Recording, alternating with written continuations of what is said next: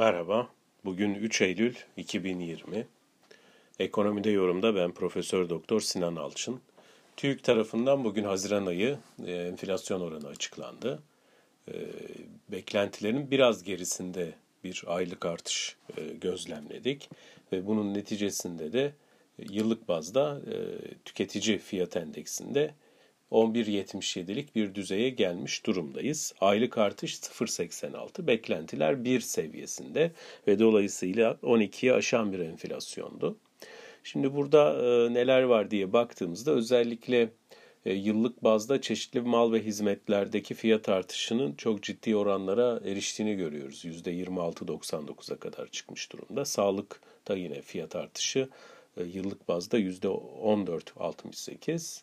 Ee, daha sonra gıda, alkolsüz içecekler, ulaştırma, lokanta ve oteller olarak gidiyor. Bunlar yukarı çeken tüfeği. Ee, tüfe ortalamasının altında seyreden artışlar ise konut, giyim ayakkabı, ev eşyası, eğitim, eğlence kültür, haberleşme olarak karşımıza çıkıyor. Aylık bazda da yine e, en yüksek artış çeşitli mal ve hizmetlerde %5.9'luk e, bir 0.9'luk bir artış var. Hemen onu takip eden %1.56'lık e, artışla ulaştırma ve yine aynı oranla lokanta ve oteller ve ardından ev eşyası, eğlence, kültür olarak gidiyor. Burada tabii özellikle Haziran sonrası ekonomilerin açılması e, belli bir süre e, geciken talebinde ortaya çıktığı bir durum, bir tablo yaratıyor. Bu Ağustos ayında da devam etmiş görülüyor. Öte yandan Ağustos ayı ee, yine turizmin, iç turizmin tabii bu yıl özelinde konuşacak olursak canlandığı bir dönem olması da lokanta, otel, ulaştırma, eğlence, kültür harcamalarında artış yaratıyor. Yine yaz ayları Türkiye açısından evlilik sezonu olarak adlandırılabilir. Dolayısıyla da e, bu dönemde de ev eşyasına dönük talepte ev eşyası fiyatlarında artış ortaya koyuyor.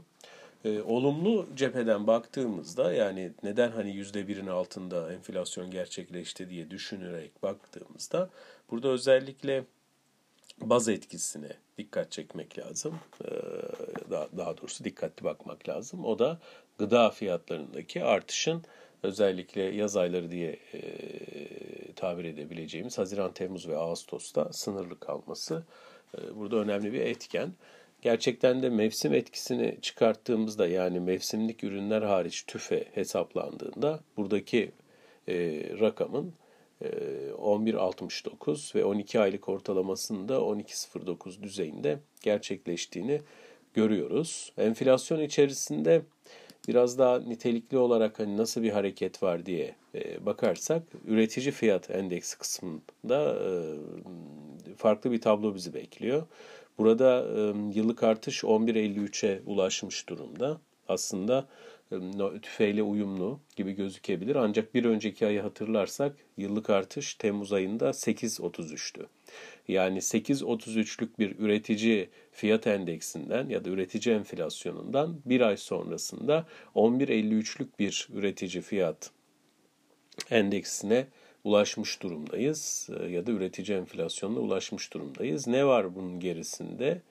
Yıllık bazda özellikle sermaye malı fiyatlarında %18'lik artış e, karşımıza çıkıyor. Birinci sırada bu var. Yine madencilik, taş ocakçılığı e, gibi kalemlerde fiyat artışı var. Bu genel anlamda dünyada metal fiyatlarındaki artış bizde de üreticilere maliyet olarak yansıyor. Öte yandan e, kur geçişkenliğinin Ağustos ayında güçlü olduğunu görüyoruz.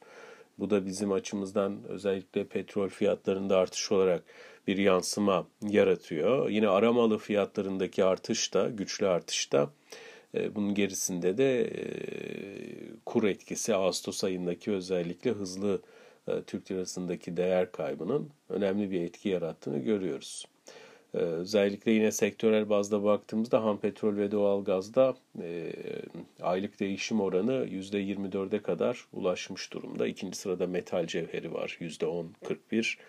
Diğer mamül eşyalar, ana metaller e, yine kok, rafine petrol ürünleri olarak gidiyor. E, bu da aslında kur geçişkenliğinin Türkiye ekonomisinde enflasyon üzerinde ne kadar etkili olduğunu e, bize gösteren bir tablo olarak karşımıza çıkıyor. E, şimdi bundan sonrasında ne olur? Bundan sonra e, Eylül, Ekim, Kasım ayları, Aralık ayını gözlemleyeceğiz. Yani bir e, 4 aylık süreç var. Fakat bu 4 aylık süreçte gıda fiyatlarında e, pozitif baz etkisini göremeyeceğiz. Belki kısmen Eylül ayında da e, devam edebilir ama özellikle Ekim, Kasım, Aralık aylarında bu sefer orada bir negatife dönüş var.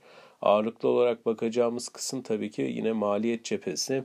Çünkü bu e, Türk lirasındaki değer kaybı ciddi manada üretici fiyat endeksi üzerinde bir baskı yaratıyor. Burada e, maksimum düzey olarak hatırlarsak son dönemlerde 2018 Eylül ayında %46'ya kadar çıkmıştı. Daha sonra geçtiğimiz yılın Ekim ayında %2'lere kadar düşmüştü yıllık üretici fiyat endeksi deki artış e, şu an 11.53 düzeyinde. E, özellikle e, pandemi sonrası Mayıs ayıyla birlikte ortaya çıkan toparlanma sonrasında sürekli bir yükseliş var. Buradaki hızlanmayı veyahut da ivmeyi de takip ediyor olmamız gerekiyor enflasyon açısından. Yani yıl sonu enflasyonu açısından da yine şunu söylemek mümkün. Zaten Merkez Bankası'nın yaptığı anketlerde de aslında artık çift taneli rakamlar telaffuz ediliyor. Muhtemelen 11,5-12 seviyesinde bir enflasyon oranıyla 2020 e, yılını tamamlamış olacağız. İyi günler.